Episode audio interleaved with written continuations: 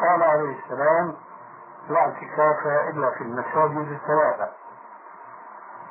المسجد الحرام ومسجد هذا والمسجد الاقصى وهذا الحديث كقول عليه السلام لا تشد الرحال الا إلى ثلاثة مساجد وذكر المساجد نفسها والمسلم ينبغي أن يكون دائما آه، متحررا من شيئين اثنين الشيء الأول ألا يتألى على الله ألا يقول ليه خاصة الثلاث مساجد لأنه هو المشرع الحقيقي ويصح التعبير ولو شرع هذا المشرع أم له شركاء شرعوا له من الدين ما لم يأذن به الله الشيء الثاني اللي لازم المسلم يتحرر منه دائما العادات والتقاليد والأفكار السائدة. لازم يربط عقله وفكره دائما بما ثبت عن رسول الله صلى الله عليه وسلم. فإذا جاءه الحديث صحيحا ثم ليس هناك ما يقيده أو يخصصه من نصوص أخرى فيكون موقفه كما كما قال تعالى ويسلم تسليما. ولعل في هذا القدر الحكاية ما شاء الله. دون آخر الزمان منذ واحد بعد واحد. كل واحد يعني يقرا هذا من حظه يكون آه. لو فرضنا انه انسان مسلم في بلد كان لدراسه أو لعمل يهجر فكثير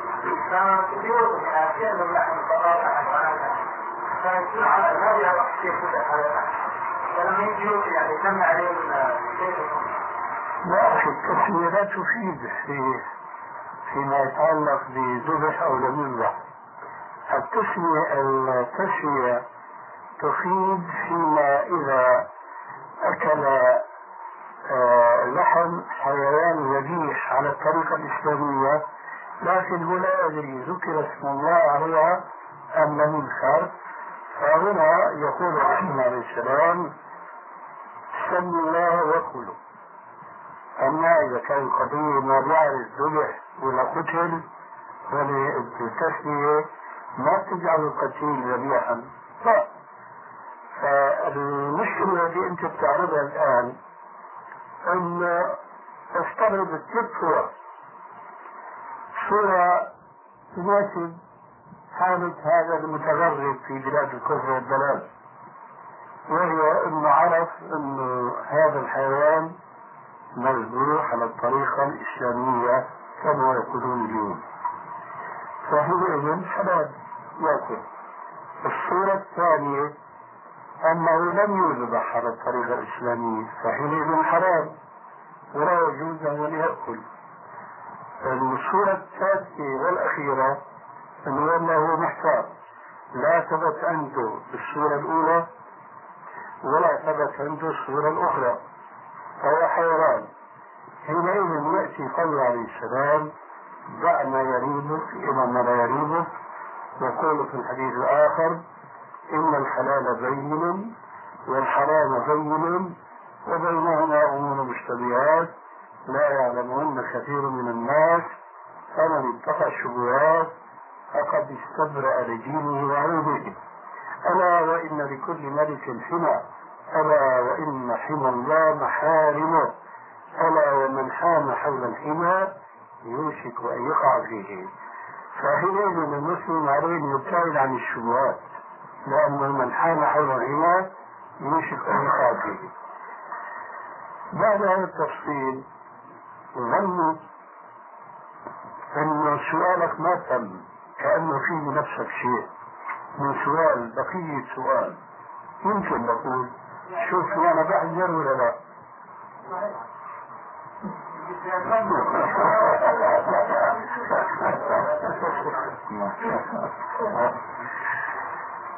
كمل أنا ولا أنت؟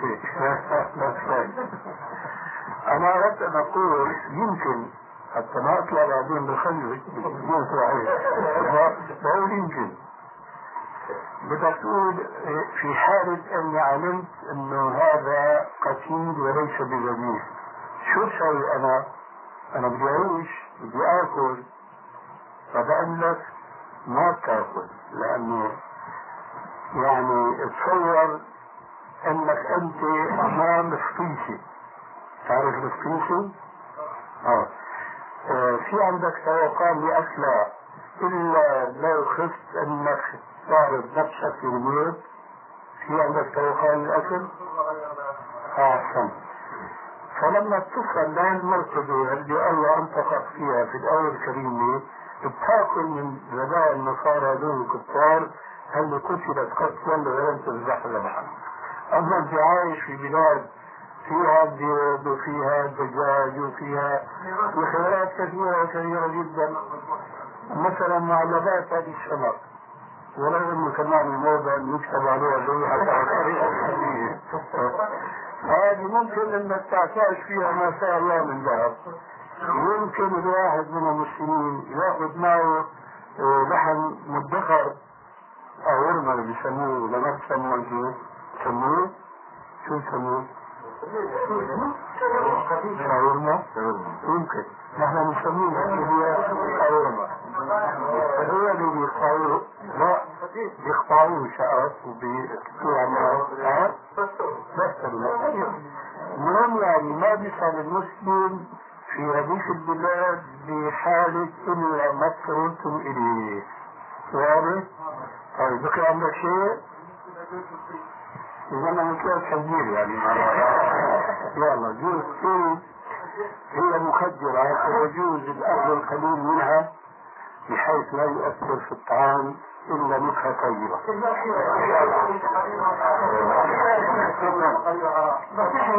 نسأل الله أن يعلم أن يفقهنا في ديننا ويلهمنا العمل بسنة نبينا صلى الله عليه وسلم ومنها أن نتحابب في الله والسلام عليكم. بارك الله فيكم من حيث العام الذي تصفى فهو يعني آه، ممكن أن يخصص العام الذي لم يخصص. فأتنا نذكر كمثال لتقدير الموضوع. وهو من المعلوم النهي عليكم السلام. عن صيام أيام التشريق. فإذا صادف يوم السبت في أيام التشريق ما حكم صيامه في هذا؟ آه. ويكون من ذلك لأيام التشريق لو كان هو هذا. فماذا يكون يعني حكم صيام يوم السبت إذا كان من أيام التشريق. ولو كان اليوم قبله أو بعده. نعم. ليس الأول الأول أيام التشريق. صحيح مفهوم هذا لكن أليس الله عاما؟ والبراء ما بتعرف فكرة التوليد هذا طيب لماذا لا نخصصه؟ ألم يكن الرسول السبت؟ ألم نعمل ذلك؟ لماذا لا تخصص ذاك بهذا؟ لأنه جاء أيام التفسير ومن تقول لأنه جاء النهي عن صيام أيام التشريق فلا يشفع في الخلاص من النهي أن الرسول صام ذاك اليوم.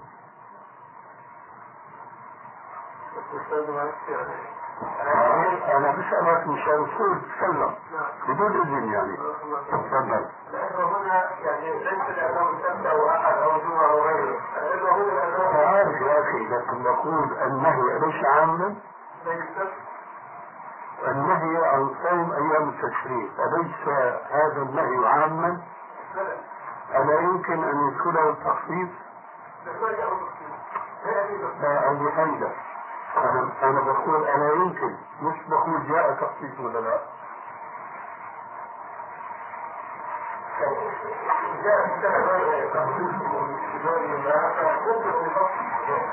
هذا نفسه نعم ألا يمكن أن يدخله التخصيص؟ هذا هو الجواب؟ بارك الله فيك. لسه لسه خطوة خطوة. ما جاء التخصيص كيف توقف بين هذا النهي العام الذي تقول ما جاء التخصيص وبين صيام الرسول عليه السلام يوم السبت وتعليمه بأنه يخالف أهل الكتاب؟ كيف التوقيف عندك؟ مفهوم سؤالي؟ كيف ذلك؟ أنا أريد أن كان لا دعني دعني وما أريد. أنت بس تفهم. يعني يكون شيء صحيح تفضل. تريد أن تقول الله عليه وسلم يستند على هذا. يقول هو تفصيل فإن التفصيل. أريد أن أفهم رأيك أنت. يعني حج ذلك الإحسان. والإحسان أنا أريد أن أفهمك رأيي ومقابل ذلك تفهمني رأيك أما أن تتدخل فيما أريد من وراء ذلك يعني كما يقال ما وراء الأكمة ما وراءها لا دعنا من هذا. أنت تعترف معي تتفق معي أن النهي عن صيام أيام التشريق نهي عام صح؟ طيب. وتتفق معي أن صيام الرسول عليه السلام يوم السبت هو نص خاص بأنه صام يوم السبت؟ فكيف تعامل ذاك النهي العام بهذا النهي الخاص؟ كيف توفق بينهما؟ لا أفهمه. أن النهي الخاص هذا لو النهي الثاني والثالث. ليش البحث الآن الله فيك؟ النهي عن صوم السنة كيف توفق بين النهي العام عن صيام أيام التشريق وبين صيام الرسول عليه السلام يوم السبت وقد يكون من أيام التشريق يوم السبت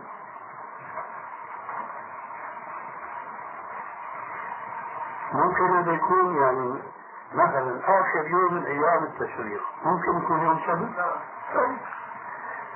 تفعل أنت إذا يعني أدركت مثل هذا اليوم آخر أيام التشريق هو يوم السبت وماذا تعمل بصيام عليه السلام؟ ماذا تقول يعني من ناحية العلمية الأصولية؟ يعني يكون ترك الصيام ترك الصيام لا يعين التسليم السلام عليكم. وعليكم السلام ورحمة الله وبركاته. وعليكم السلام ورحمة الله وبركاته. وعليكم السلام ورحمة الله وبركاته. وعليكم السلام. وعليكم السلام ورحمة الله وبركاته. نعم يعني يقول يعني ترك الصيام لا يزال التسليم لا يعين التسليم ليش الفرق المهم المهم في نهي نعم فإذا جاء يوم الاثنين يوم الاثنين أنا لا أقول صحيح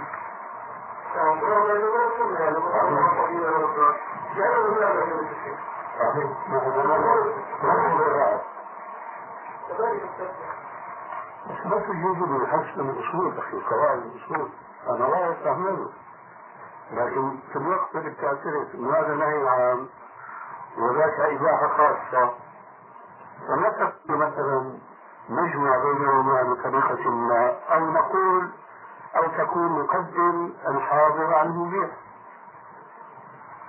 على كل حال نحن نريد نستفيد من حضور الأستاذ الحمولي هنا. ويشاركنا في الموضوع. وكما قال تعالى أنا سد عبدك بأخيك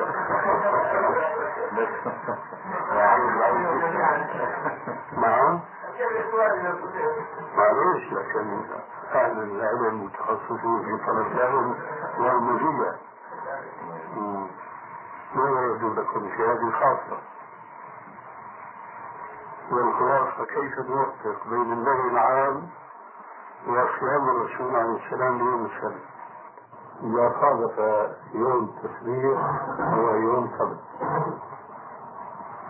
ويقدم النهي بلاش كلمة يعني نحن نريد أنت ماذا تعني أو ماذا يبدو لك؟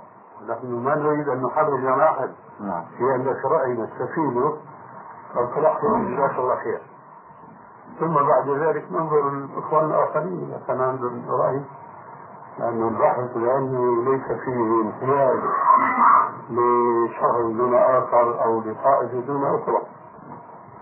وشفنا ابن حزم يقول إذا أتى نهي وإباحة فقطعا النهي متأخر. عن الإباحة لا يكون نهي إلا بعد إباحة. ويقول إذا أتى نهي في نص وإباحة في نص وتعارض يقدم النهي لأن الأصل في العبادات المنع حتى النهي نعم هذا معروف ومن الليلة هذه قاعدة كاملة نعم. من قواعدهم. الحاضر على المؤمن لكن أنا أسأل الذي يقول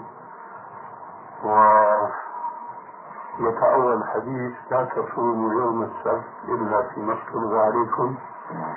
فيضيف من عنده باجتهاده. إلا إذا قام معه يوما. هذا الذي يقول بهذه الإضافة. فما الذي يمنعه أن يقول نهى عن صيام أيام التشريق فإذا اتفق أنه آخر يوم من أيام التشريق السبت نخرج من النهي بأن نضم إليه يوما بعده. كما فعلنا في حديث لا تصوموا يوم السبت. علما وهذه ناحية استفادة مهمة في تأكيد في النهي عن صيام السبت أكثر من صيام آه، أيام التشريق لأنه يقول إلا فيما افترض عليكم ولا هذا لم يأتي في أيام التشريق فيما أعلم. نعم.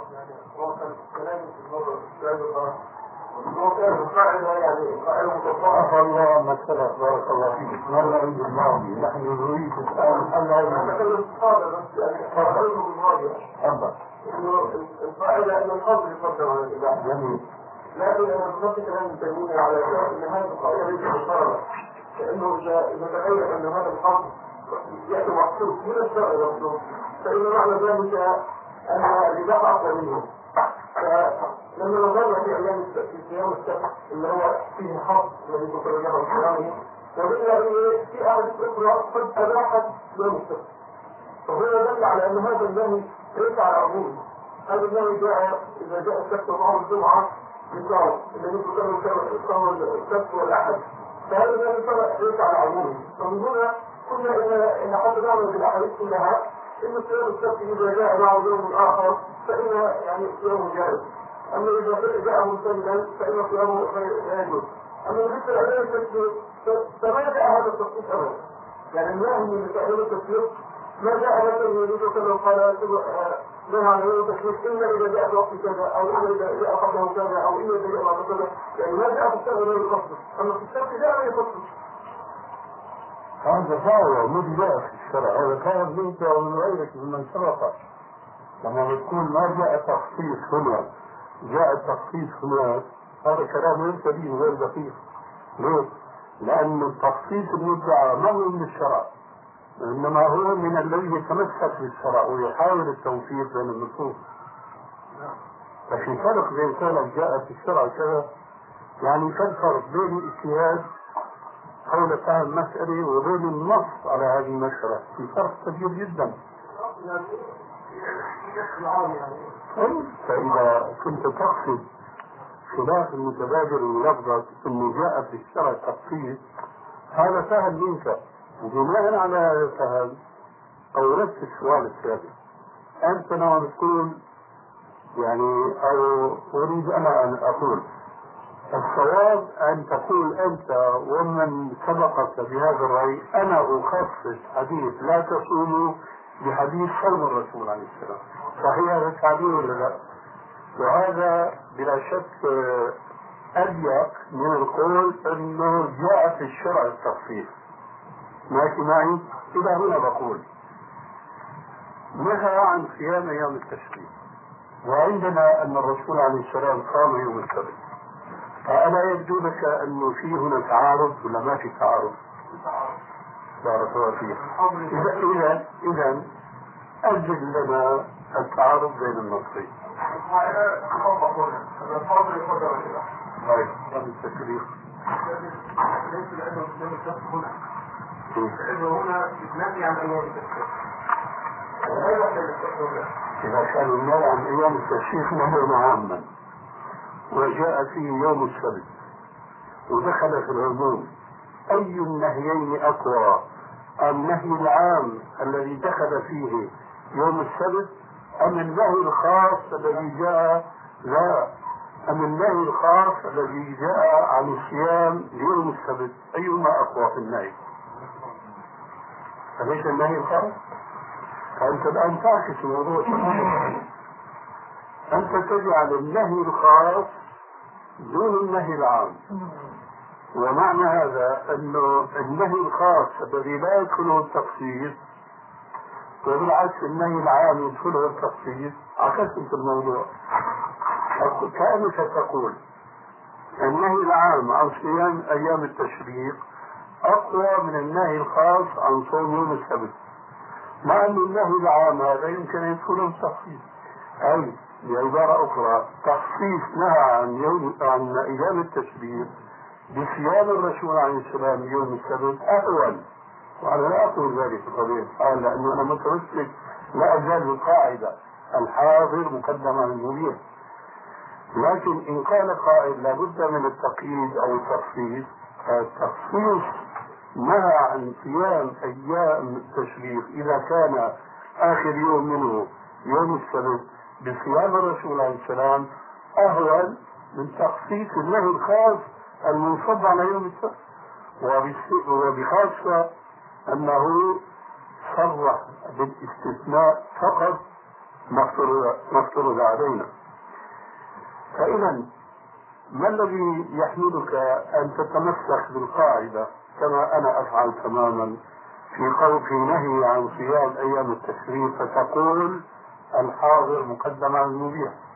أليس كذلك؟ طيب. لماذا لا تتمسك بنفس القاعدة في نهي عليه السلام عن صيام يوم السبت بخصوصه وبخاصة أنه حصر بعد أن عمم خصص وهذا أقوى للعموم بعدما جاء هذا التخصيص وهو إلا فيما افترض عليكم لماذا تطبق نفس القاعدة؟ ما الذي يحول بينك وبين ذلك؟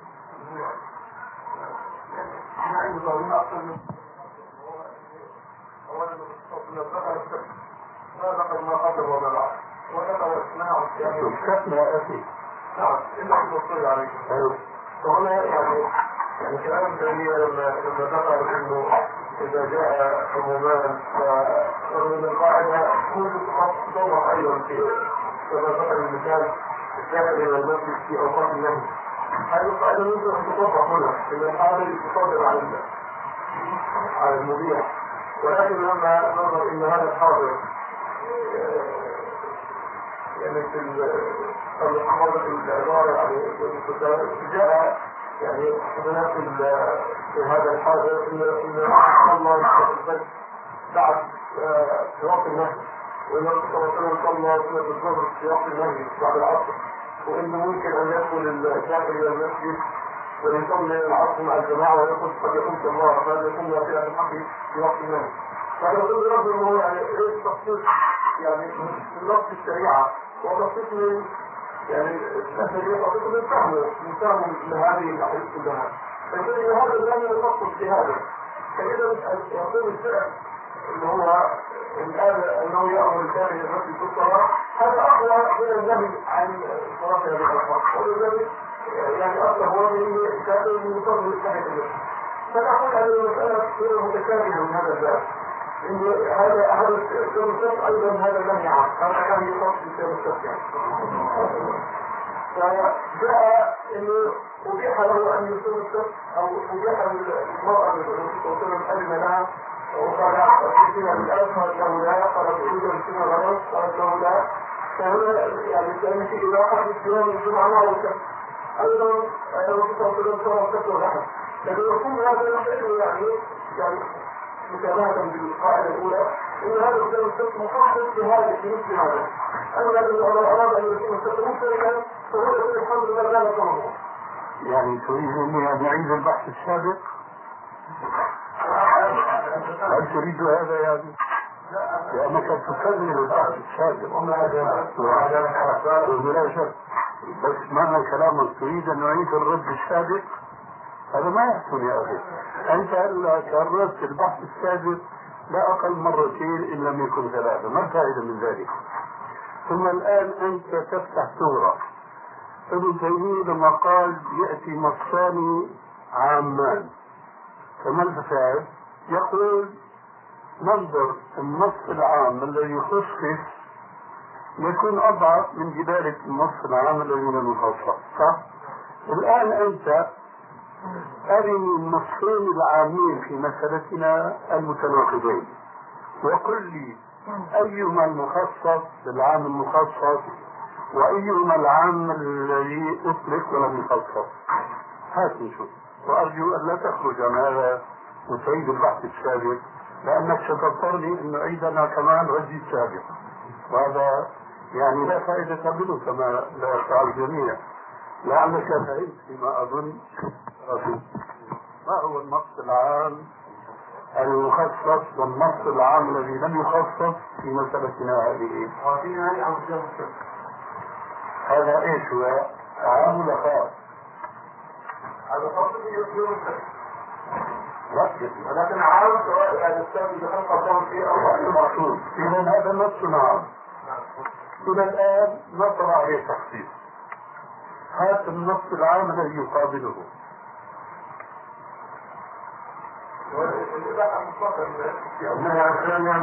هذا الجواب هذا الجواب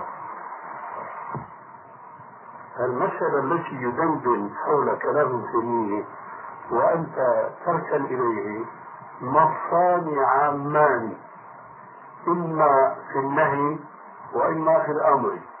أحدهما خصص بشيء من الخارج والآخر بقي عاما.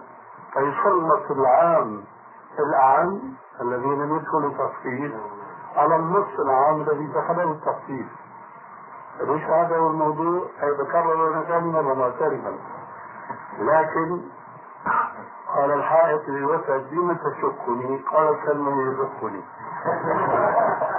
فالشاهد هنا الآن في عندنا نهي عن صيام يوم السبت مطلقا إلا في مقصره صح؟ فهو من هذه الحيثية عام.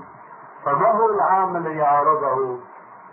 حتى ننظر أيما دخل فيه التخصيص أن يسلط عليه الذي لم يدخل عليه التخصيص.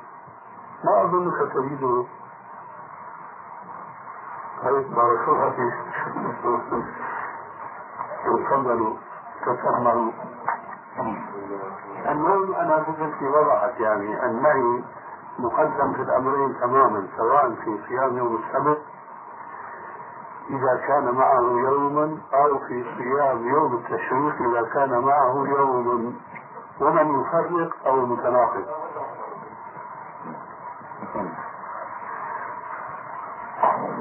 احتمال يعني يجري في الله عليه وسلم يسجل الدرس هذه المدارسات قد تجري كلمة موجودة يعني يمكن أن تحقق أنا بقول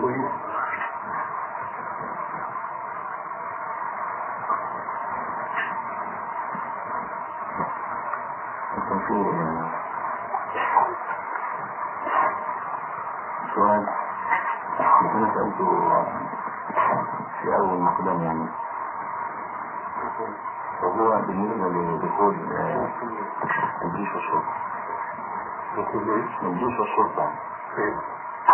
فهو آه، تباحثت يعني مع بعض الناس فعرض علي المسألة التي يقولها الجميع وهو إن الفتية تكون المفروض تكون مطابقة للواقع أو أن نجد حلا عمليا.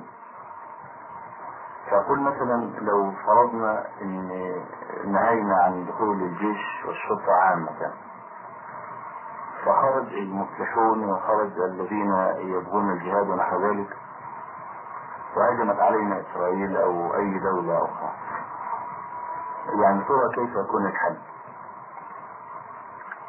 يعني هذا يتردد كثيرا. فأنا أحببت أن أنا يعني آخذ آه، آه، الجواب يكون فيه علاج بالواقع.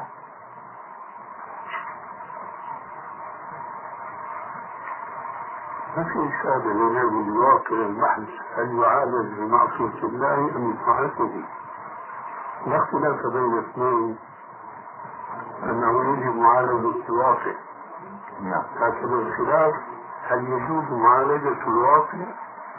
بمخالفة الشرع. وبعبارة أخرى حتى الشرعي ما يعرف عند الأوروبيين عملا وربما أيضا كلاما. الغاية تبرر الوسيلة. هل في الشرع مثل هذا؟ طبعا لا. لا يوجد. في الواقع أن الفتاة بل والفتى بسبب الاختلاط بين الجنسين في تلقي دروس الطبابة فما هو حل المشكلة؟ يأتي الشبهة على نحو ما ذكرت إذا زيد من الناس المتحمس يدين منع زوجته. وعمر من الناس منع أخته. والثالث منع بنته إلى آخره. من الذي سيتقدم للقيام بحل هذه المشكلة؟ أو بعبارة أخرى فقهية بالقيام بهذا الفرض الكفائي نقول لا لا خوف عليكم. لا تتصوروا أن كل المسلمين المسلمين والملتزمين سيكونون سيكونون على هذا الرأي.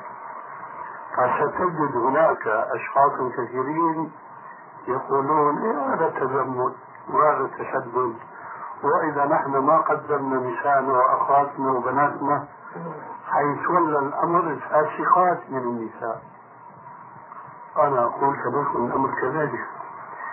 لأن الشرع الذي يحرم الاختلاط بين النساء والرجال لا يحرم اختلاط النساء الملتزمات بالمسلمات اللاتي يعصون الله في بعض المسائل ومن هذه القضية. بمعنى إذا صار عندنا متخرجات في الطب من اللاتي أفتينا بجواز آه، الاختلاط لتحقيق الفرض الكفاية هذا. خرج عندنا عشرات ومئات الطبيبات. هؤلاء الطبيبات هم سيقومون بتعليم بناتنا ونسائنا لنحن نغار عليهن ولا نسمع لهن بأن يتعلمن الطب في هذا المجتمع المختلف. نفس الكلام نحوله إلى نفس السؤال السابق. إذا نحن الملتزمين بأحكام الشريعة بدقة امتنعنا من الدخول في هذه المجتمعات بحجة من الشرع واضحة لكن ليس كل المسلمين سيتبنون هذه الفكرة بل ستجد أكثر المفتيين يقول لك معليش والضرورات تبيح المحظورات إلى آخره. فسيتقدم وهذا هو الواقع. الأكثر من المسلمين لتحقيق هذا الفرض الكفاية وحينئذ تزول المشكلة التي صورت كما لو أن المجتمع الإسلامي كله تبنى هذا الرأي وأصبح الجيش كله غير مسلم هذا كله خيال في خيال ولذلك نحن نقول في خاتمة الجواب يا أيها الذين آمنوا عليكم أنفسكم لا يضركم من ضل إذا اهتديتم. فإذا نحن تمسكنا بعقيدتنا هذه فليس معنى ذلك أن الآخرين أيضا سيفعلون ذلك لكن نحن ننصح أن الغاية لا تبرر الوسيلة وأن دفع المفسدة قبل جلب المصلحة؟ وما أظن أحد يخالف كقواعد فقهية معروفة يخالف فيها أبدا لولا غض النظر عن هذه المفاسد وتوهم أنه لا قوة للمجتمع الإسلامي إلا بالتعلم بهذه الطرق المخالفة للشريعة. هذا هو. نعم. لكن آه، يعني أنا أنقل عن الآخرين يعني. أنا عارف نعم. نعم. وناخذ كافر ليس بكافر لكن الخطأ ليس بمخطئ نعم. نعم. هو يعني يقول مثلا أنا لو صرحت الواقع يقول إن الجيش بوجود الإخوة الملتزمين فيه تحسن كثيرا جدا. يعني اصبح الصلاة في في الجيش ونحو ذلك منتشرة مستشفية بدليل إن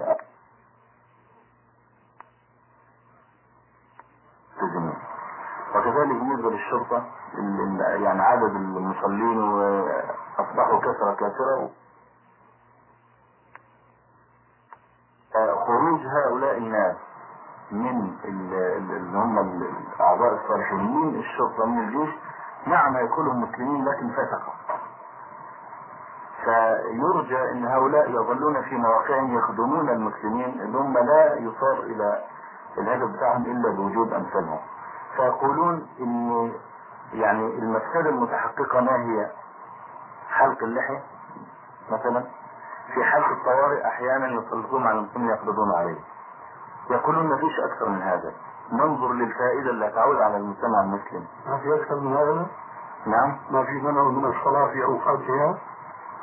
الآن يعني قد يحولون بينه وبين الصلاة مطلقا. يعني هو يقولون الواقع الآن اصبح كثيرا يعني مش زي الأول يعني. لا عفوا نحن لا الوضوح هذا الواقع الذي يقترح الدخول فيه قبل أن يعتدل هذا الاعتدال الذي أنت تلمس إليه. أي نعم. هذا الواقع كيف كان؟ فقط المسألة موقوفة على حلق اللحية حلق لا المسألة أكثر من ذلك بلا شك. فكثير من الناس يشكون أنهم تفوتهم الصلاة لماذا؟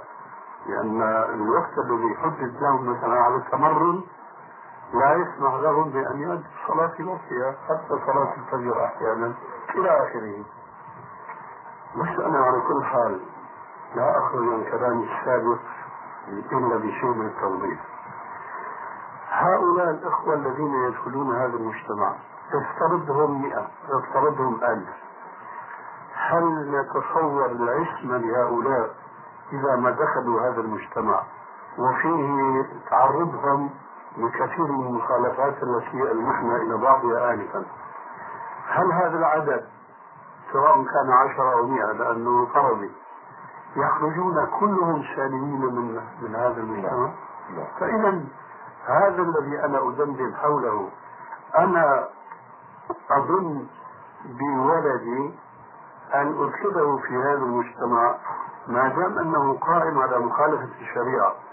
ولا أنظر إلى الخاتمة التي أنت تفترضها الآن لأني أقول هذه الخاتمة قد تقم على أكتاف غير ابني ابني أنا لا أريد أن أعرضه لمثل هذه المفسدة كذلك بنتي لا أريد أن أعرضها للاجتماع المختلط في كليات الطبابة بحجة أنه لازم يكون في عندنا طبيبات وسنات. قد يكون بهذا غيري. ممن يتساهل أو يتسامح أو يجتهد اجتهادا خطأ إذا هذه الثمرة التي أنت الآن تشير إليها أن تغير الوضع. نحن ما ننكر تغير الوضع ونحن نقول مثلا حينما نعالج بعض القضايا ولن نكون واقعيين. جماعة التبليغ مثلا اليوم. حينما نقول يا أخي أنتم ماشيين على طريق هذا خلاف طريق الرسول وخلاف ما تعلنون بين بين محاضرتكم بعبارة صارت كأنها آية أنزلت. بدل خطبة الحاجة إن الحمد لله نحمده ونستعينه إلى آخره. بيقول العبارة من إن فلاحنا ونجاحنا إيش على اتباع وين هذا الاتباع؟ وينه؟ ما هو إلا دعوة. إيش يكون الرد؟ يا شيخ أنت كأنك مالك عايش معنا. كم وكم من الناس كانوا تاركين الصلاة صاروا يصلوا. كم وكم من شاربي الخمر تركوا. كم وكم؟ أنا أعرف هذه الحقائق. لكن نحن جوابنا أكبر صوفي دجال على وجه الأرض يدعي وربما وحدة الوجود تجد الناس البسطاء المستكفين حوله متعبدين صالحين. كانوا يسهرون كانوا لا يصلون. صاروا إيش؟ يصلون. هذا نحن نشاهده لكن هل ننصح لأنه أولادنا وأفراد إقبادنا إنه يروحوا يترددوا على هذه الجماعات؟ لأنه في ناس كانوا فساقا فصاروا صالحين لا هذا ينطبق عليه تماما. قوله عليه السلام إن الله لا ينصر هذا الدين بالرجل الفاجر. وفي رواية إن الله لا ينصر هذا الدين بأقوام لا خلق لهم فالآن جماعة التبليغ هي كليشتهم. الفلاح والنجاح في اتباع سنة رسول الله صلى الله عليه وسلم. صحيح لكنهم يخالفون السنة عقيدة وسلوكا وعبادة لأنهم لا يدرسون السنة. لكن في فائدة من جماعة التبليغ؟ هذا لا يمكن أن ينكره أحد أبدا. هل هذه الفائدة تبرر لهم استمرارهم على انحرافهم عن السنة؟ طبعا جواب يكون لا. هذا على الأقل في فهم نحن فهم الآخرين لا ما دام في فائدة نحن ماضين على هذا السبيل. وهكذا الجواب بالنسبة لهذه القضايا تمام. ما دام في فائدة من دخول أفراد من المبتدئين المسلمين في أي مجتمع من هذه المجتمعات فإذا خليه يدخلوا. هذا معناه فلنفادي نحن ببعض أشخاص منا في سبيل تحقيق هذه الغاية. لكن هذه الغاية يمكن تحقيقها بالسلوك على طريق الله ورسوله. لكن مفهوم قوم يستعجلون يقولوا كيف هاي هذول عندهم وما عندهم أسلحة وإلى آخره. كيف نتعلم استعمال هذه الأسلحة إذا نحن دخلنا الآن أنتم ترون قصة تعتبر الحقيقة جوابا عمليا. الآن الأفغانيون صمدوا أمام الروس اللي هي من أقوى الدول القائمة اليوم. هل تظنون أنه الأفغان كشعب كانوا متمرنين على الأسلحة؟ أبدا. لكن ربنا عز وجل إذا عباده أخلصوا له في اتباع شريعته وهذا من معاني قوله تعالى ولا ينصرن الله من ينصره فنحن ما نريد أن نتخذ وسائل منحرج عن الشريعة باسم الانتصار للشريعة. وكما قيل أوردها سعد وسعد مشتمل ما هكذا يا سعد طول الإذن هذا نهاية ما عندي من الجواب. ونسأل الله أن يهدي المسلمين جميعا باتباع السبيل الأقوى. هذا يا شيخ ما حدث الآن في الكويت. آه، في إخوة الآن يرون آه، العمل السياسي. يا إخوة كذلك أرسلوا لكم برسالة وباستفسار أن إن شاء الله يكتب فمن ضمن هذه الكتب آخر كتاب للشيخ عبد الرحمن عبد الخالق المسلمين والعمل السياسي. فكان من ضمن الكلام بأنه يكون بعض أساليب الدعوة الحديثة يخلو من ارتكاب مخالفات شرعية. فلو افترضنا هذا جدلا فإن هذا يكون من المعفو عنه. إن شاء الله تعالى. إن شاء الله. فنقول في مكان آخر فيقول يجب للإذاعة أنه يجب أن تكون أيضا من خلال الصحيفة الدعوة والإذاعة والتلفزيون والجامعة والمنصب الحكومي والحزب السياسي والجمعية الدينية والمجتمع النقابي دخول النقابات والمدارس والمعاهد وكذلك يجب أن تشمل هذه الحرب السلمية ويعتبر كل الأساليب القديمة والمتبعة أساليب تقليدية ويدعو إلى دخول النقابات ودخول الأحزاب من خلال قراءة المسلمون والعمل السياسي. والله ما شك ما شك في هذا لأنه مش ماشي على قواعد شرعية.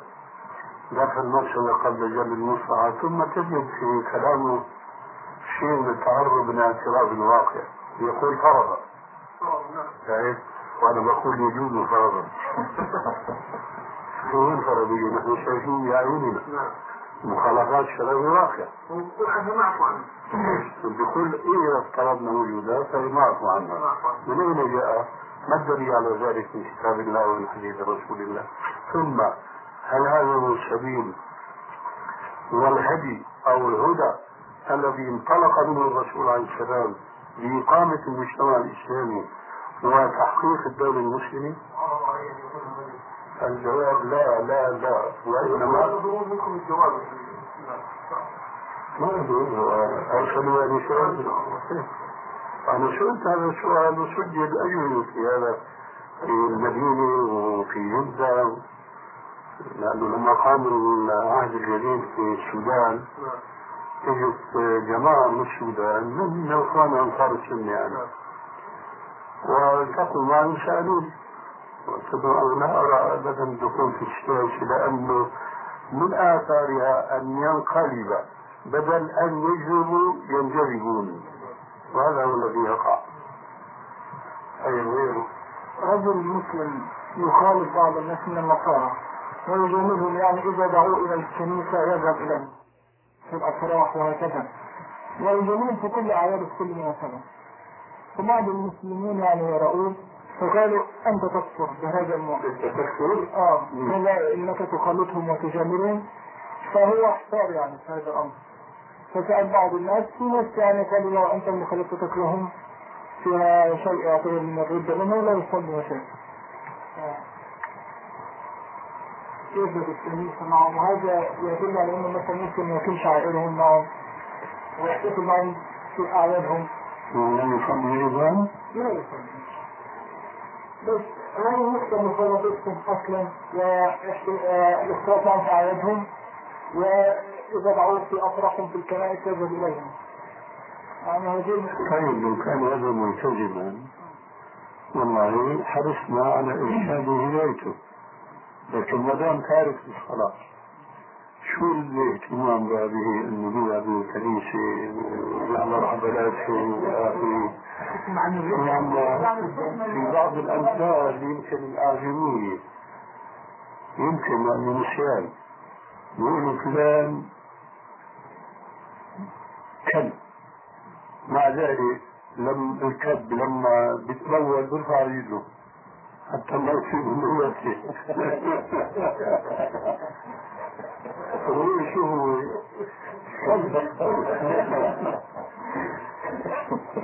هذا السؤال أخي أوجه إلى إنسان ملتزم ويخشى عليه الانحراف فننصحه بأن لا يذهب تلك المذاهب. ولا نقول أنه ذهاب تلك المذاهب هو الكفر أي بمعنى الردة لكنه بلا شك معصية وفسق. لكن هل يعني الغريق في الماء ما عاد يضر قطرات من المطر تصيبه؟ هذا ما دام تارك الصلاة هذه هي ركن من أركان الخمسة والتي جاءت فيها الأحاديث تؤكد بأن من ترك الصلاة فقد كفر. على الخلاف المعروف بين العلماء أن هذا كفر اعتقادي أو كفر عملي. الصلاة فقد كفر. على الخلاف المعروف بين العلماء أن هذا كفر اعتقادي أو كفر عملي. هذا بحث آخر لكن على كل حال فيه ترهيب شديد جدا للمسلم أن يترك ولو صلاة واحدة كما قال عليه الصلاة والسلام.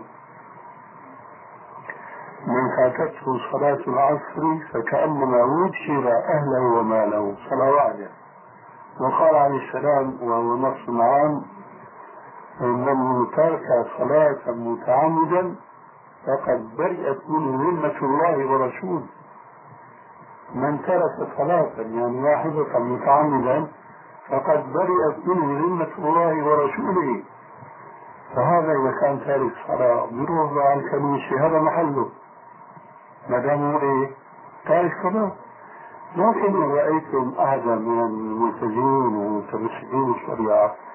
ينحرف هذا الانحراف فينبغي أن يحذر منه لكن لا نغالي لا نقول أن هذا كفر وأن صلاته وعبادته ما عاد تنفعه كما أننا لا نقر على هذا الفعل لأنه انحراف.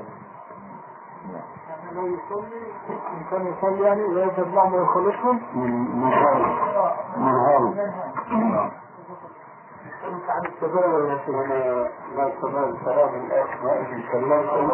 ما كلمت وما دولتية ما سلمت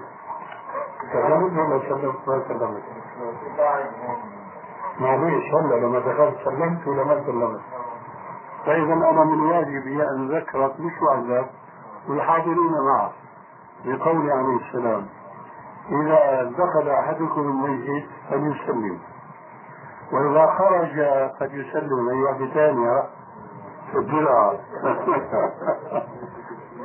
إذا دخل أحدكم المجلس فليسلم وإذا خرج فليسلم قال أن الله عز وجل شاغلنا يرفع درجات عاليات وبيعمل من حيث الكسب المنشار الطالع النازل يكسب. الطالع النازل فأنت هذا بيقتضيك صاحب بيت مثلا منزل يقتضيك تطلع. بتقول السلام عليكم. بعد دقيقة بتقول السلام عليكم. ما في حرج. وكما جاء في الحديث. دخل رجل فقال السلام عليكم. فقال عليه السلام عشر دخل ثاني. قال السلام عليكم ورحمة الله. قال عشرون. دخل ثالث. قال السلام عليكم ورحمة الله وبركاته. قال ثلاثة قالوا إيه هذا. قال الأول قال السلام عليكم هذه عشر. السلام عليكم ورحمة الله بعشرين السلام عليكم ورحمة الله وبركاته. بثلاثين وهنا عبرة. كثير من أهل الطرق يذكرون الله ذكرا غير مشروع. يقول لك مثلا بيقعد إما مع الجماعة أو وحده. الله الله. الله الله الله. إذا قيل له إذا دخلت المسجد سلم وخرجت سلم لا وكل ما بدي اطلع كل ما بدي يفوت اطلع بيقول السلام عليكم السلام عليكم. بدائية بالتعبير السوري بايخة يعني مرفوضة مش مقبولة طيب وهذيك مش بايخة الله الله. يمكن يقعد ساعة ويمكن عندكم دراويش اللي عندكم في مصر بيعرفوا مشاهدة؟ والسقف في الحج هكذا. يلا. الناس نايمين بيسمعوا الطاقة. شو عم يسوي يصير درويش عم يقول الله. يا كيف كيف؟ السلام عليكم. لا تنسى.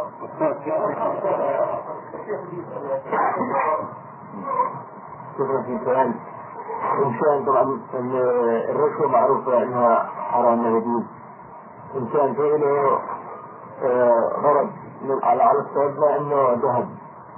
وفي الجمرك معاه ورقة باسم الجوهر الورقة هاي ضاعت منه ما معروف حقه. أجى رجل من الجمرك حكى له أنا بثبت لك الحق إلا إذا رشيتني وإلا ما في حق فهي الناحية تجوز أن يرثي الرجل هذا أو لا أم لا؟ يجوز أن يعطي مالا فيصل إلى حقه المهضوم ويكون بالنسبة لذلك الموظف رشوة محرمة لأن المفروض عليه بحكم وظيفته أن يعيد الأمانة إلى صاحبها لكنها لا تكون رشوة إلى بالنسبة لصاحبها لأن الحقيقة أن الرشوة في اللغة هي إعطاء مال لإبطال حق أو إحقاق باطل. وهنا هذا المعنى لا ينطبق بالنسبة لصاحب الذهب هذا. ولذلك يجوز له ذلك ولا إشكال إطلاقا.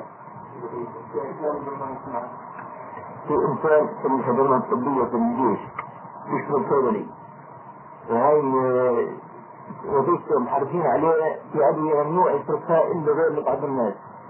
يعني الضباط أو لناس مساهم في المجتمع إلى قيمة أما لبعض الناس من أفراد الجيش والناس المدنيين الثانيين بحالات لا ممنوع يتركها وبعض الأوقات بزيد معاه زيادة حد في العدد. هاي إذا الزيادة أو النقصان طبعا بيحاسبوا عليها فتضطر بكلها يا بوزعها للناس يا بكلها مع عديد هل تفيد هذه الناحية؟ كيف أشكل علي قولك الأخير بيحاسبوا عليها نعم. هذا هو يعني بوقت مش عم يحاسبوه مش بيسوي بيحاسبوا على النفس أو على الزيادة يعني هاي الكمية لا انصراف على الزيادة كيف بيحاسبوه؟ إذا جاء الكمية.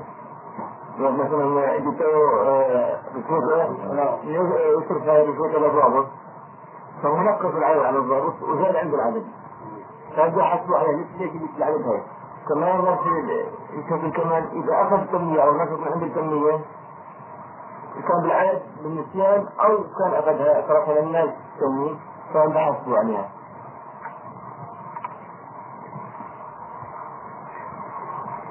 في يكون فيه نصفات القضية الأولى أنه هو بيقول أمر بالصرف رشيقة إلى ضابط مثلا كما تقول.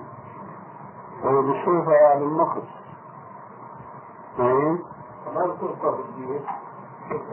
أسأل سؤال. أنا أفهم منك بصفة ناقصة يعني مثلا لو فرضنا وصفوا له 20 حبة أو قارورتين فبدل 20 قدم 10 وبدل قارورتين قارورة واحدة هذا لماذا يفعل هكذا هو؟ لماذا لا ينفذ الأمر؟ وليس فيه معصية بطبيعة الحال ذكرت هو بالسهل انه يكون يعني يصرف ولكن مع الناس بالجامعة أو كذا يكون غاص العدد ينقص مع لا هذا معناه أن الرجل لا يستلزم القيام بوظيفته ولذلك هو يعطي أناسا لم يكلف بإعطائه فتنقص المادة فمشان ما يحاسب على النقص ينقص عن الذين أعطوا النصف الكامل فهو بينقص منها هذا بلا شك ثاني فتبقى القضية الثانية أنه يعطي ناسا ليس مكلفا بأن يعطيهم من المدنيين مثلا وهو مكلف بأن يعطي العسكريين. فهذا بلا شك يعرضه لمشاكل المخالفات مع إخلاله بالوظيفة. تفضل. وحقيقة يعني الشركة يعطيه مثلا كمية معينة محددة هذه الكمية قد تزيد هذا يعني الزيادة هذه من عند المستشفى وليس منه هو. يعني هو قد لا يزيد يعني أنا ما عليك عنده. لكن أنت لاحظ يقول يجي رشيقة لهذا 20 حبة يعطي 10 10 الثانية هي ولا أحيانا من سيئة تجي زيادات خطأ يعني. هو حكانا الأخ اللي صار معه. هلا قال لاني عارف هذا يعني مع بعض الاخوه اللي حاضرين في الصيدليه بيشتغلوا هكذا يقع معهم يعني أحيانا يضبط العيب عليه هو من عندهم وليس من عندهم ويحاسبونه على انه هذا الموضوع الموضوع كان هو في أول سؤاله هل يجوز أن يعطي المدنيين أم لا؟ صح ولا لا؟ ولا في هنا تراجع عنه؟ طيب كمان أنا فهمت منه إنه بيجي راشيتا بشيل حد رضاعته فبيعطي عشرة. هذا قلت ولا لا؟ أي أنت إيش صار؟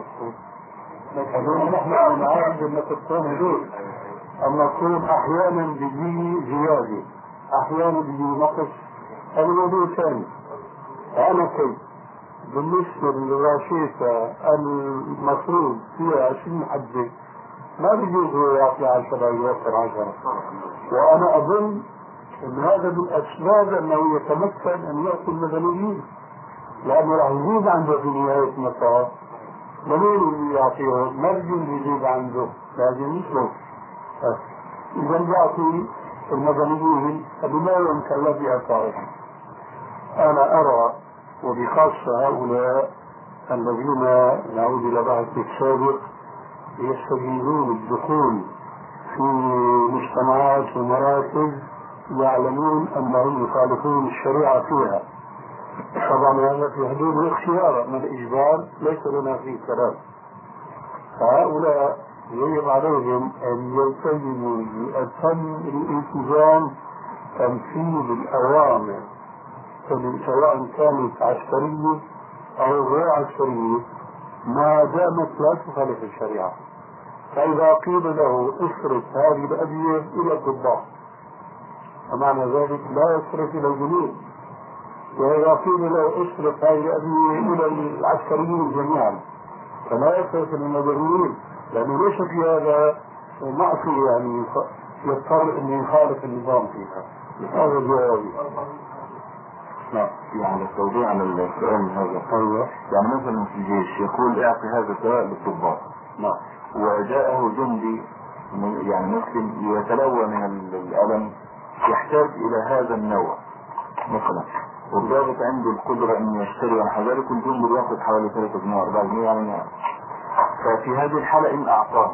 يعتبر آه، خلاص ال- طبعا بدك تفترض هذا الموظف أبا حنيفة زمانه يقدر الضرورات حق تقديرها والضرورات تبيح المعذورات لكن ما أظن هؤلاء بأن يكادوا من الفقر حتى يزنوا بالقسطاس المستقيم. وأنا بقول لما تكون في المال ضرورة فيجوز وإلا فلا. لكن لكن هل تعتقد أن هؤلاء الموظفين مهما كانوا ملتزمين بأحكام الدين في عندهم فقر انه يقول هي المعذورات ومقابلها الضرورة تقدر بقدرها ما اعتقد هذا نعم من يتكلم نعم. سؤال سؤال هذا أيضا وهو بالنسبة للمؤسسة المدنية. يعني يعطون الموظفين بطاقات بحيث أنهم يبنون ويشترون سلع واثمان يعني رقيقه عن السوق.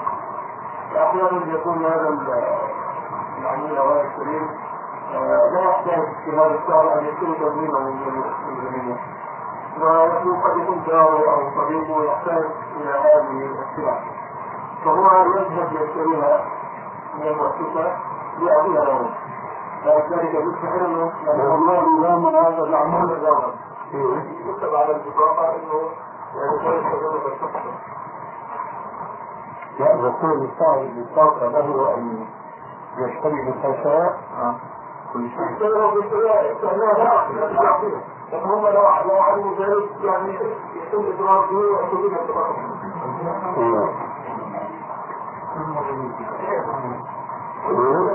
كيف؟ أنا بقول ان مو له هذا ولا لا؟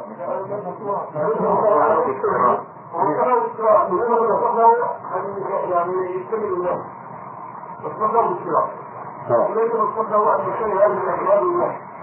يشوف الصورة مسموح له يشتري بنفسه أما يعطي البطاقة لآخر والآخر يظهر لنفسه مفهوم البطاقة وهي قضية إعطاء البطاقة ما تنجح في كثير الأحيان لأنه مكتوب عليه اسم فلان.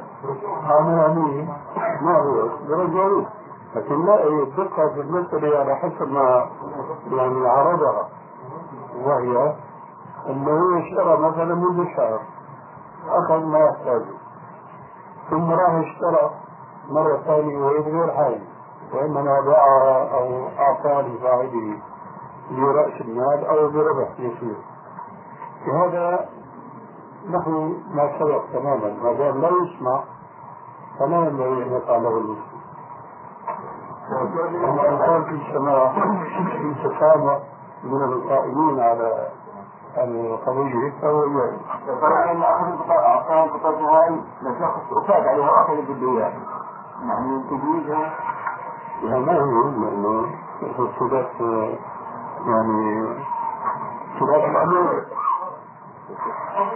خلاف الأمانة كانوا هم القائمين على نفس هذا ما هم عندهم نفس الأمانة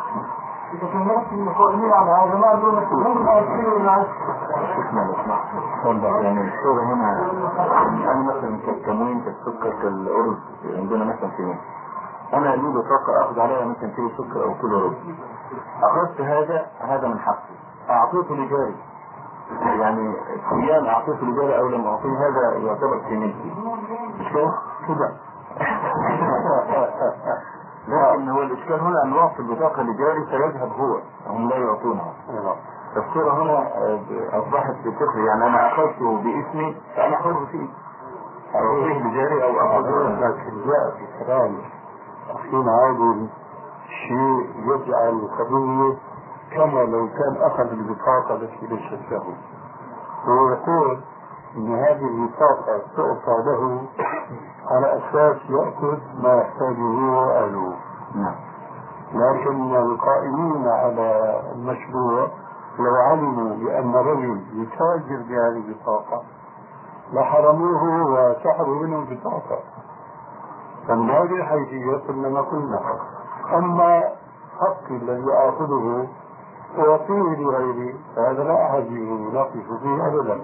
لكن لما تصبح تجارة بحيلة البطاقة فحين ينتصر القضية يعني.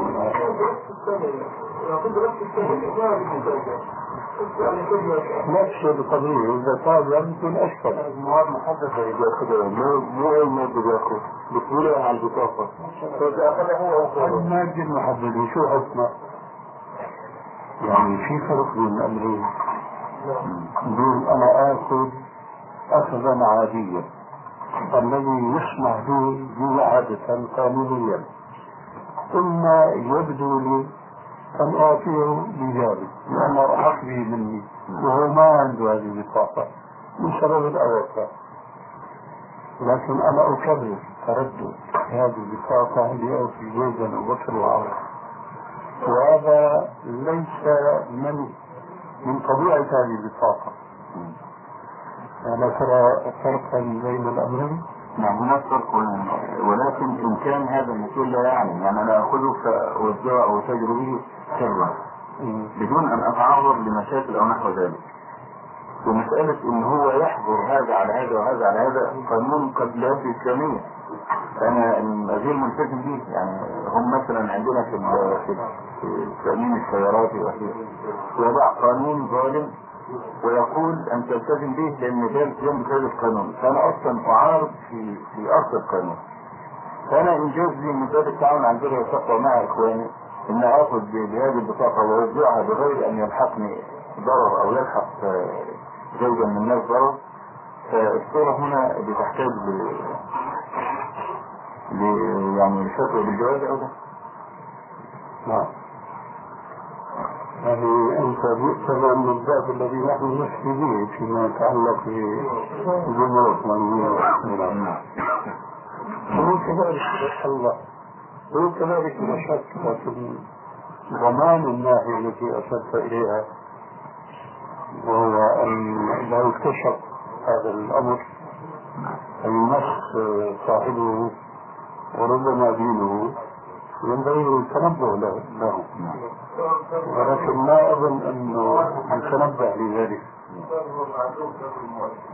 انه هؤلاء يشتغلوا سواء كان حديث وبعدين المؤسس مصلحة تسجيل المؤسسين الذين يشتغلون عن 215 مليون دينار والدولة أخرج لهم سبيل مؤسسهم فهذا نوع من التقنين غير مقصود بذلك. كيف أيضا إذا هم بكل هذا الشيء ما ليس المهم انه يقروا ما ينكروا لكن لكن جاء في السؤال ولكل سؤال جواب انه لو اكتشفوا صعب.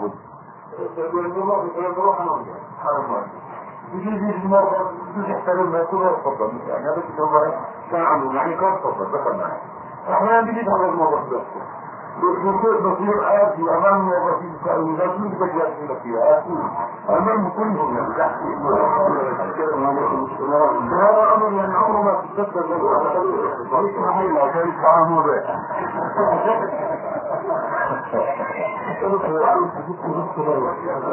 على الأمر مثل المجاهدين الآن في أفغانستان أو في الفلبين أو في أوروبا كون مثلا الآن مجموعة تنطلق لأرض فلسطين بيجيبوا لها تأخذ السرايا مثل الأفغانستانيين مثل هون مثل هون.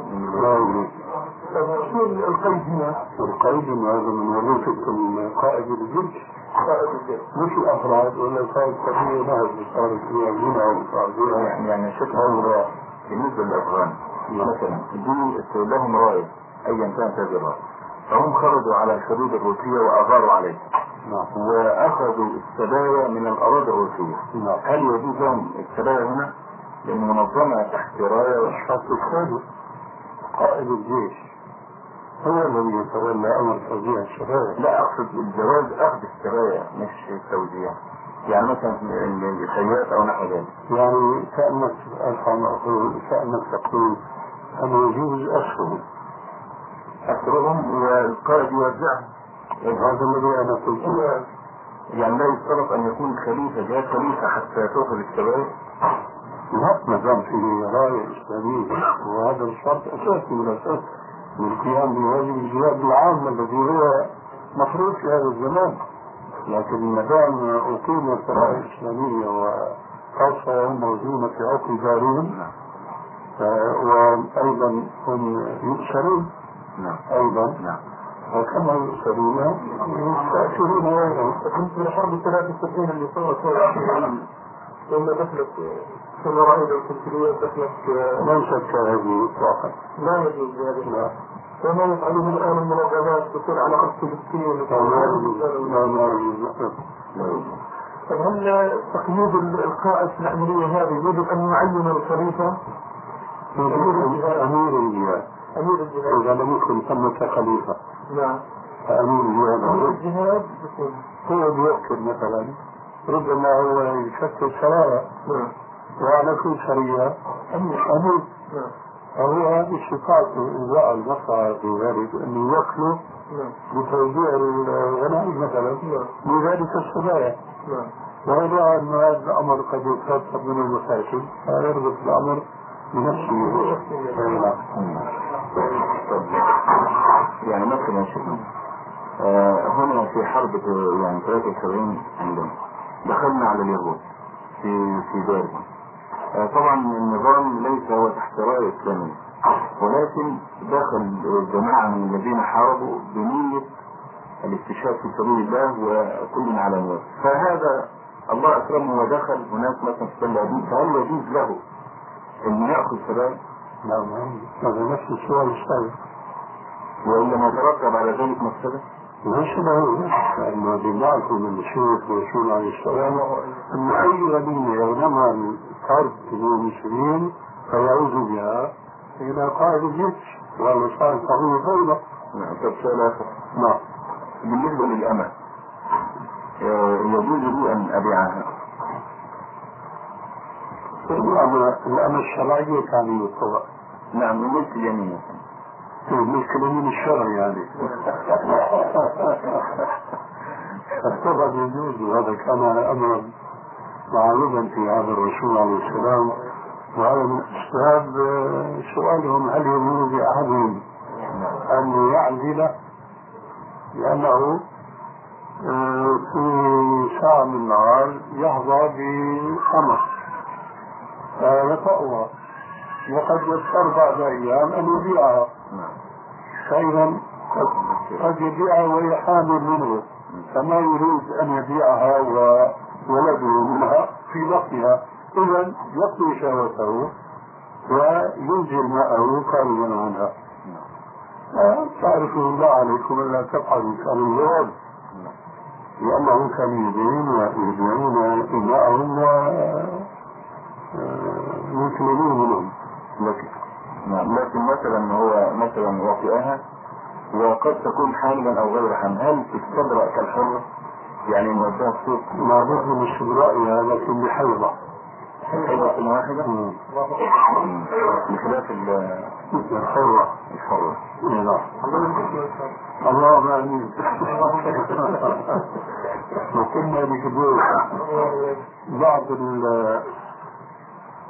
ال الازواج بسبب آه، من أسباب قد يضطر أن يرسل إلى داره خادما. سواء كان هذا الخادم ذكرا أو أنثى. فتقع هناك مفسدة. إن كان الخادم ذكرا فالمفسدة تتعلق بالزوجة. وإن كان الخادم أنثى فالمفسدة تتعلق بالزوجة شو المخلص من هذه المشكلة التي نشكوها اليوم خاصة في البلاد التي أهلكها الترف والترف. هو الجهاد في سبيل الله لأن من آثاره أنه يكون عند المسلمين خدم. من الرجال والنساء. والرجال بيشغلوا عنده في المخزن في الحانوت في في الآخره يستفيد منه. أما المرأة فهو في الوقت الذي يتمتع بها ويزيد نفسه بها إحصانا في الوقت نفسه بتكون عنده في بيته تخدم هذه الأمة الزوجة الحرة. ففي مصلحة دون أي مفسدات من أين يأتي هذا؟ من جهة سبيل الله. اللهم آمين. بالنسبة لل لكن بالنسبة لل يعني السبايا والعبيد ونحو ذلك بعض الناس يقول إن الاسلام يحرر العبيد فكيف يستجيب إنه يبقي العبد في ربقة سيده؟ سامح الله هؤلاء الناس الذين يوقظون بدعايات الكفار وبهجماتهم على الإسلام. ليس غريبا أن لا يفرق الكافر بين استرقاق الإسلام للكفار وبين استرقاق الكفار بالمسلمين ليس غريبا ألا يفرق الكافر أو الكفار بين استرقاق المسلمين بالكفار واسترقاق الكفار بالمسلمين لكن الغريب والغريب جدا أن ينجرف مع هذا الشيء الذي لا يستغرب صدوره من الكفار أن يهزل مثله من المسلمين أنفسهم. فلا يفرقون بين استرقاق الإسلام للكفار وبين استرقاق الكفار المسلمين ولذلك ينجذبون وينجرفون معهم فيما يدعون إليه من إلغاء الاسترقاق. ويقولون أن الإسلام إنما أتاح الاسترقاق من باب المقابلة بالمثل. فالكفار يومئذ كانوا يسترقون المسلمين فإذا معقول جدا أن يسترق المسلمين الكفار من باب المكافأة بالمثل. ونحن نقول لا سواء. هناك الفرق الشاسع بين الأمرين. الكافر إذا استرق المسلم واستعبده وعلى الأقل اضطره إلى أن يعيش في بلاد الكفر. فما مصير هذا الأسير وهذا الرقيق؟ أن ينحرف مع الزمن ويصبح كافرا. وهذا نراه ملموسا ليس بطريق الاسترقاق المباشر العسكري. بل بطريق ما يسمونه اليوم بغير اسمه أن فلان هاجر إلى أمريكا. متى كانت الهجرة من بلاد الإسلام إلى بلاد الكفر مهاجرين في أمريكا. هؤلاء المهاجرون في أمريكا لهم أولاد الآن تنصروا مع الزمن. فتجد مثلا جورج ابن أحمد ابن محمد. ليه؟ أبوه كان مسلما ببيئته لكن هو صار كافرا متأثرا بالبيئة. هذا أثر استرقاق الكافر المسلم. فما هو أثر استرقاق المسلم الكافر؟ أما من حيث النص الشرعي فقد أشار النبي صلى الله عليه وسلم بعبارة رائعة جدا. إلى أثر استرقاق المسلمين للكفار حيث قال إن ربك ليعجب من أقوام يجرون إلى الجنة في السلاسل. وهم الأسرى ينقلون من بلاد الكفر إلى بلاد الإسلام فيتعرفون على الإسلام وأحكامه وآدابه وأخلاقه عن كثب وعن قرب فيدخلون في دين الله أفواجا. دون أي ضغط دون أي فرق أشار الرسول عليه السلام إلى هذا الذي أصبح أمرا واقعا فيما بعد. ومن كبار العلماء أبو حنيفة مثلا أبوه كان سبيا من سبايا فحينما يأتي بعض الكتاب الإسلاميين فيقول ما دامتم أعلنوا إلغاء الرب فنحن يجب أن نتجاوب معه. هذا ليس من مصلحتنا نحن المسلمين لأن إلغاء الرق معناه سد طريق نقل الكفار إلى بلاد الإسلام ودخولهم بهذا الطريق كما وقع في السابق في التاريخ والتاريخ يعيد نفسه. نحول بيننا وبين ذلك وهذا ما ينبغي أن يقع. لا سيما وقد رفض الإسلام أحكاما ربطها بال بالإيش؟ بالعتق أن يعتق مثلا الإسلام أي نعم فإذا من الخطأ الفاحش أن نتنازل عن عقيدتنا فيما شرع الله لنا من استرقاق الكفار لأن الكفار ألغوا إيش؟ الإسترقاق ولكن هل هذا صحيح؟ نعم لقد ألغوا الاسترقاق كأفراد أما كأمم فيسترقونها جميعا ولا يزادون ويتخذون أفضل القضايا في سبيل هذا الاسترقاق الجماعي. فإذا نحن شأننا مع هؤلاء شأن النعامة حينما ترى الصياد يتربص بها الدوائر فمن حماقتها أن تدخل رأسها في الرمل تتوهم أنه ما دام هي لا ترى الصياد فالصياد لا يراها وهي الصياد أمامها بيعرف هذا. الخلاصة هذا خطأ فاحش. في العصر الحاضر تورط فيه بعض الدعاة الإسلاميين فوافقوا على إلغاء الاسترقاق لأن الكفار. سبحان الله لو كان العكس وهو أن يكون المسلمون قدوة للكفار وأن لا يكون المسلمون ذنبا للكفار. نعم.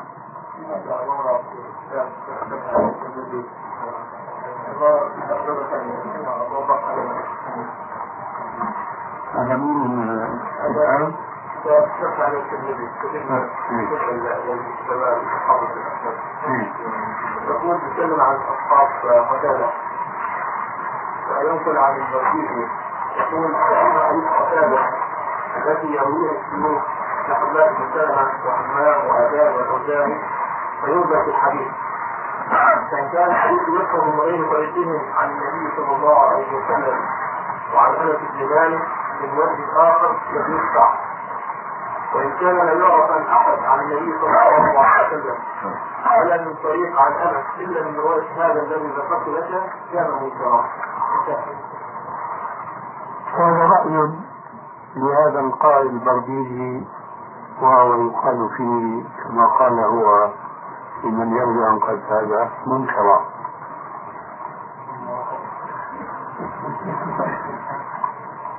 لأن معنى هذا أن نرد أحاديث كثيرة في الصحيحين. لا نجدها إلا من طريق قتادة عن أنس. والسر في هذا أن قتادة صحيح أنه مجرد نعم يعني غير شيوخ مشهورين يعني. حماد من رجال مسلم كما تعلم. ومن ذكرنا حماد؟ الكل من دون علمي إذا تركنا حمادا جانبا على اعتبار البخاري ما احتج به. فالآخرون قد احتجوا الشيخان بهم الشيخان فالمهم أنه إذا أخذنا بهذا القول معنى ذلك أن نرد أحاديث كثيرة في الصحيحين. وعليكم السلام ورحمة الله وبركاته. من غير طريق حماسة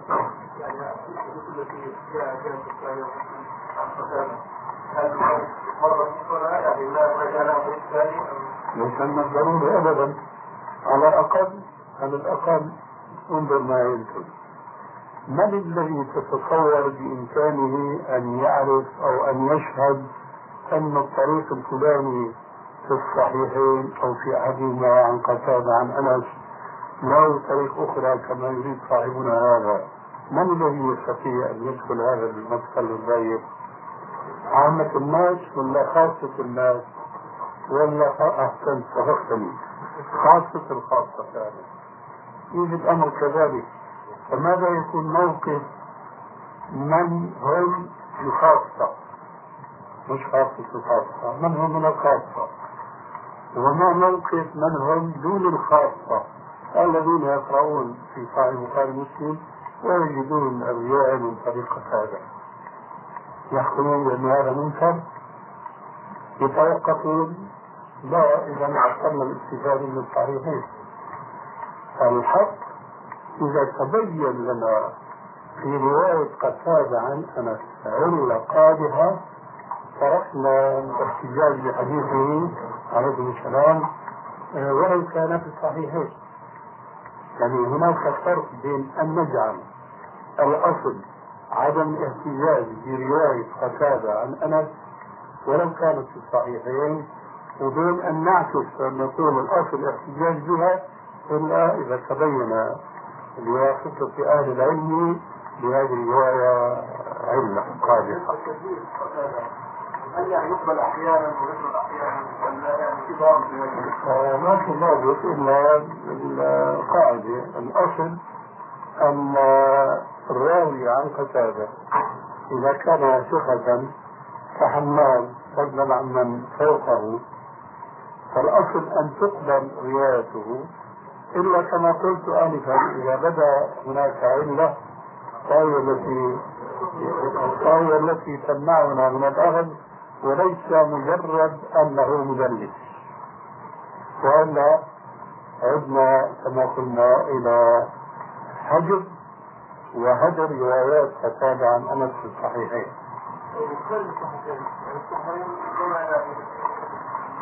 والجواب عام يشمل الصحيحين آه، ما في الصحيحين وما هو خارج الصحيحين. الأصل أن نأخذ برواية قتادة عن أنس لأنه لم يكن مكثرا من التدليس كما يشاء مثلا أبي الزبير عن جابر ونحو ذلك إلا إذا بدت علة نعم. بالنسبة المنكر في الصلاح هو هو ال- ال- الفرد كما يقول الحافظ بن حجر. المنكر في الصلاح الزربيدي هو الفرد الذي لا متابع له ممكن هذه الصلاة تختلف لكن سياق العبارة ماذا يستفاد منها؟ هل يستفاد منها هذا القيد المنكر بهذا القيد؟ ما أعلم بذلك. بكر الزربيدي بهذا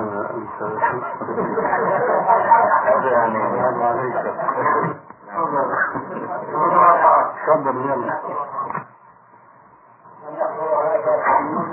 المنكر عليه من الواقع والله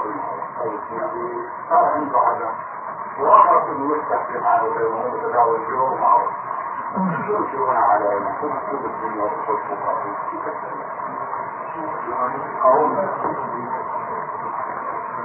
لا تتصور المقاومة لو استطعتها. فكيف أنت لست للمستطيع لها؟ وإنما كما قال عليه السلام في الحديث الصحيح المعروف من رأى منكم منكرا فليغيره بيده فإن لم يستطع فبلسانه فإن لم يستطع فبقلبه وذلك أضعف الإيمان. في حديث آخر وليس وراء ذلك حبة خردل من إيمان. فالمسلم مسؤول قبل كل شيء عن نفسه. وعن من يلود به.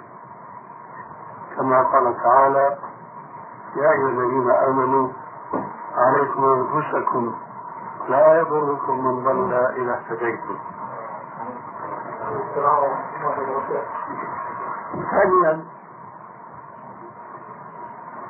أنه إذا كان الأمر في يده فلا أحد يستطيع أن يتغلب عليه إلا بضعف من إيمانه. أما إذا كان الأمر ليس في يده فجاءك الحديث السابق في مراتب إنكار المنكر ست فإن استطعت أن تغير بيدك فبها. وإلا نزلت مرتبة ثانية غيرت بلسانك. وإلا فأقل تنكر بقلبك. لكن هذا إذا كنت أنت مرغما على الحضور. لكن مكان فيه منكر كما قلنا هناك آه لا تستطيع تغييره. فما الذي يحملك على أن تحضره؟ فلا تحضر. أما الناس يقولوا كذا وكذا. والله إذا بدك تنظر إلى كلام الناس كن من الناس واستريح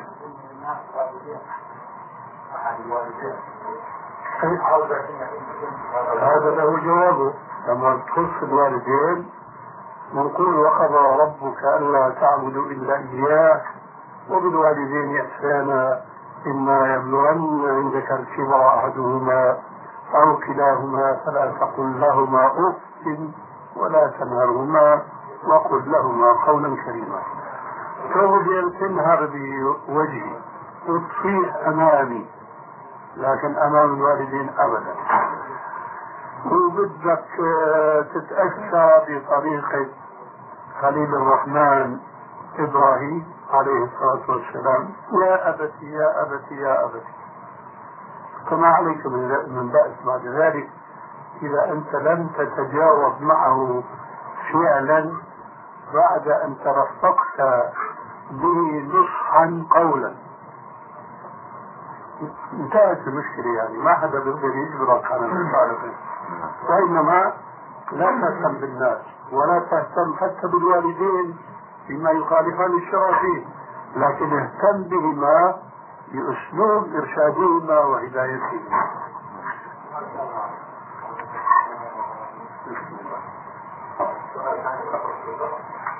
ليش؟ هذا تعرف موضوع طويل ومحفوظا من مقامنا مصباح يقيني الشر ليس من الله سبحانه وتعالى علما بأن كل شيء مخلوق لله وهذا الخير مخلوق لله والشر مخلوق بحكم الإرادات ولا لا؟ لا أحد يقول الشر ليس من الله.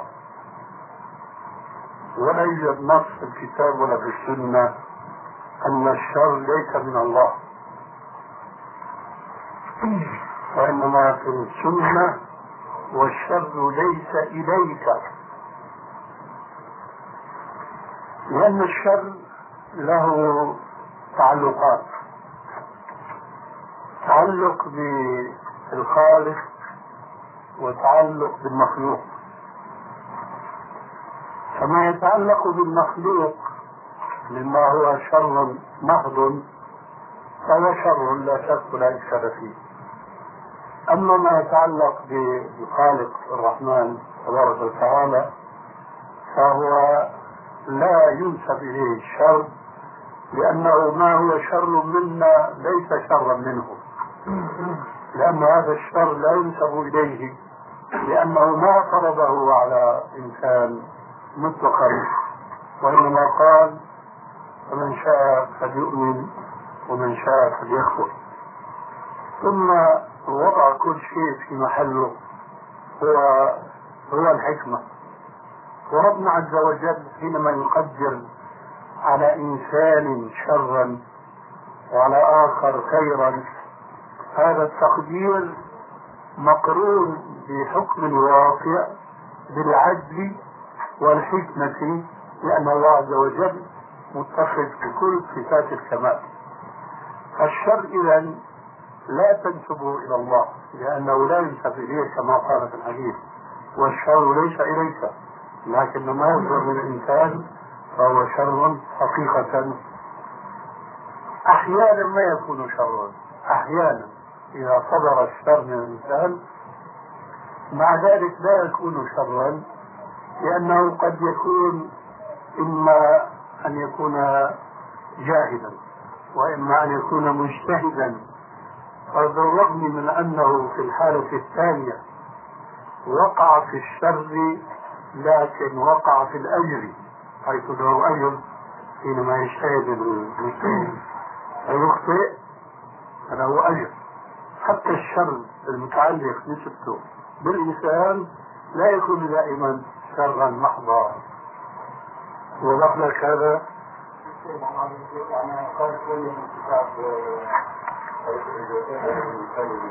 نعم. حقيقة أكثر من مرات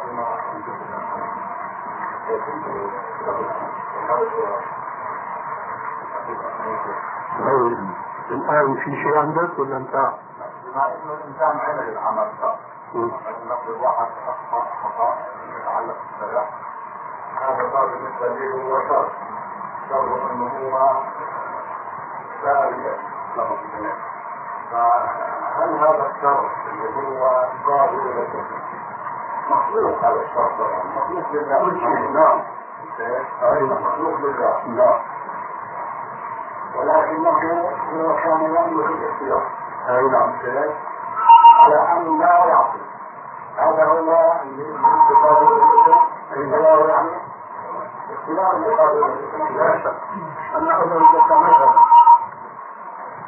رجل تزوج فرزق ولدا وآخر زنى فرزق ولدا العملية واحدة لكن شو الفرق؟